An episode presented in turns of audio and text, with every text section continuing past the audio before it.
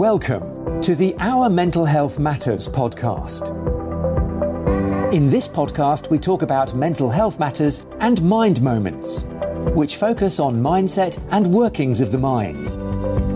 Introducing your host, Dr. Lade Abua, Specialist Registrar in Child and Adolescent Psychiatry, a medical doctor with a passion for mental health matters and children. Hi everyone, it's Lade here. Welcome to our Mental Health Matters podcast. Today we'll be talking about depression in men, and um, I will go through a few bits about the peculiarities of depression in men. So, who is this episode really for? It's for um, loved ones who think um, men might be having a depressive episode and it helps them to look out for the things that differ from uh, depressive episodes in men and women. So, um, a lot of uh, men tend to have depression, and um, it can be a bit missed because men can tend to focus less on themselves, and um, a lot of men who kill themselves have been depressed and this sometimes can be missed. And so it's important to uh, always look out for this. So what would we say a scene for depression in men? We'll always say that there's a difference between being sad and being depressed. Uh, sadness is is a normal response to something bad happening or an adversity, and uh, this shouldn't be taken on for depression the other part to note is if uh, the, the the impact it's having on uh, the person's life. So, what do we see for depression in men? As usual, these are you know regular symptoms as in depression. Uh, you know, having a low mood or feeling really down, uh, which persist. Um, for a long time, loss of enjoyment, loss of interest in a lot of uh, activities that they used to enjoy, difficulty concentrating, uh, feelings of guilt, hopelessness, helplessness, and um, there also um, what we call the biological symptoms, which include uh, difficulty with sleep, that's difficult to get into sleep or waking up early, and then there's appetite uh, difficulties as well, which could be either an increase or a decrease in appetite, resulting in weight gain or weight loss, respectively, and then uh, there's loss of interest in sex.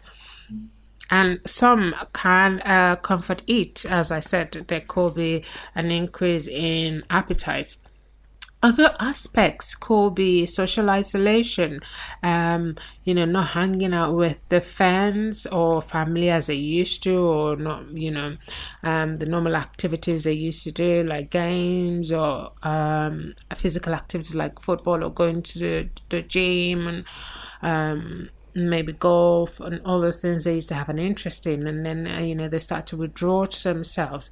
And um irritability is also another one and looking after themselves that this is another key one.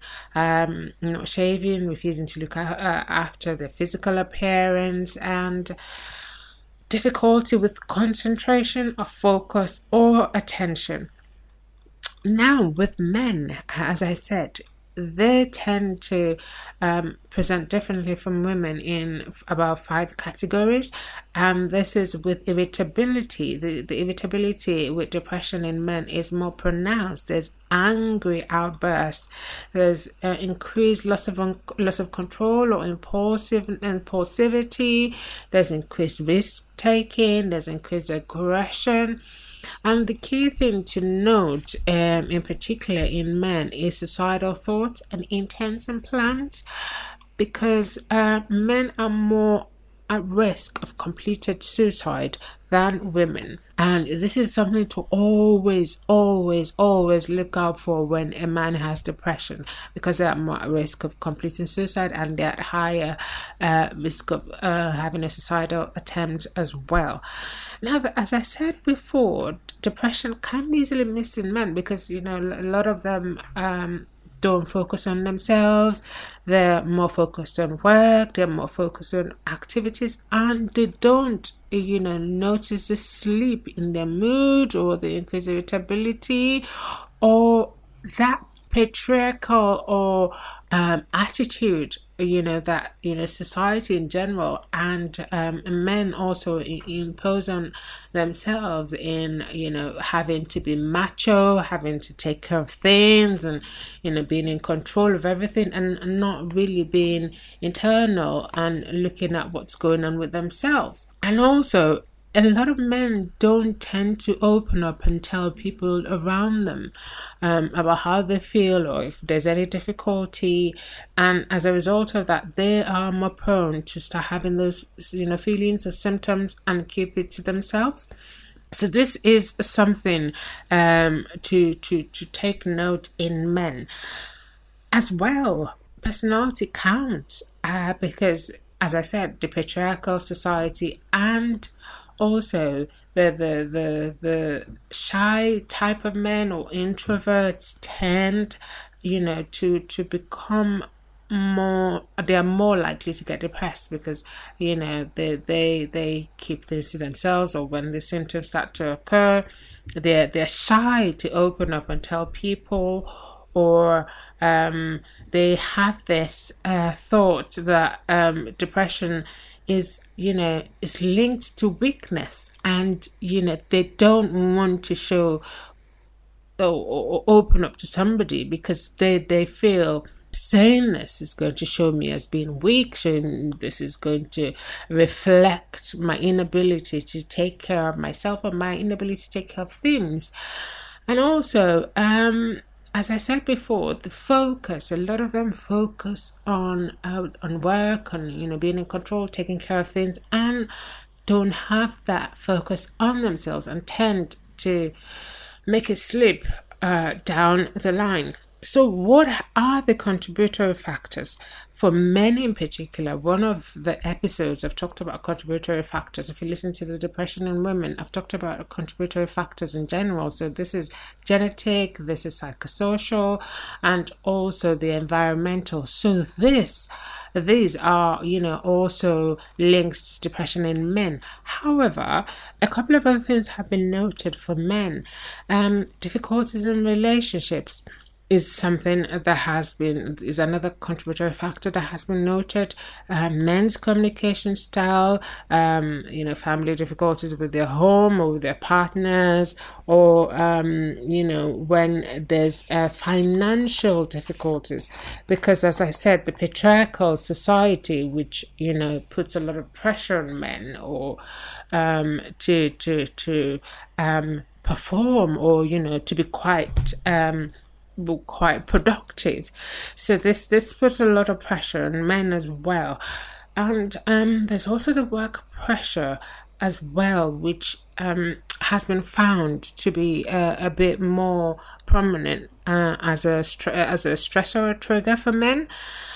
So, going to a very important part in men. Um, as I said before, men are more likely to attempt suicide and to complete suicide. So I'm going to focus a little bit on this now because suicide is something we shy away from talking about. Suicide is something that um, you know comes up if we have a, a, a celebrity or a well-known person who um, commits suicide. We all talk about it, and in the next few days we just um, go back to normal activities. So, suicide and men. Men are around three times more likely to kill themselves than women.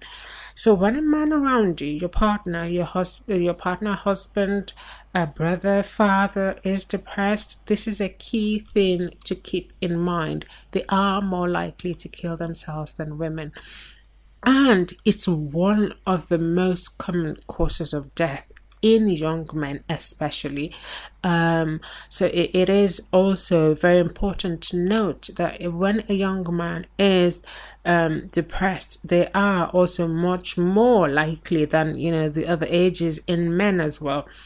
Also uh, drugs and alcohol use are when when a man who has depression and um, or has depression or has suicidal thoughts as part of the symptoms of depression, uh, takes alcohol or uses substances, there is that part where they are not in control when they've taken alcohol. They're not in control when they've um, taken substances which is drugs.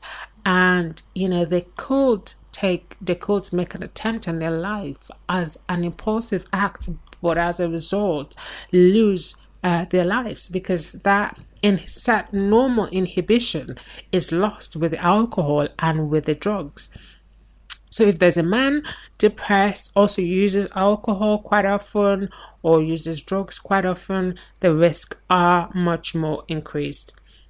As I said before, personality also counts.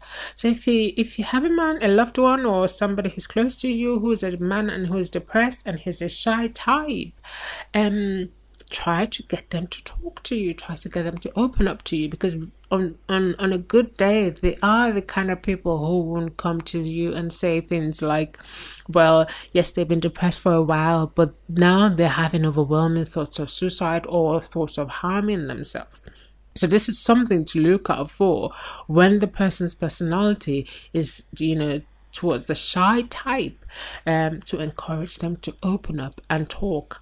And that way, if they start to have overwhelming thoughts of suicide, you can reach out for them, you can reach out to help them and, you know, get the services.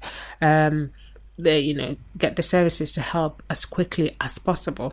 And talking also helps, um, which is, you know, it makes sense as talking therapy is one of the treatments for depression. So, aside the risk for suicide, talking also helps with depressive symptom.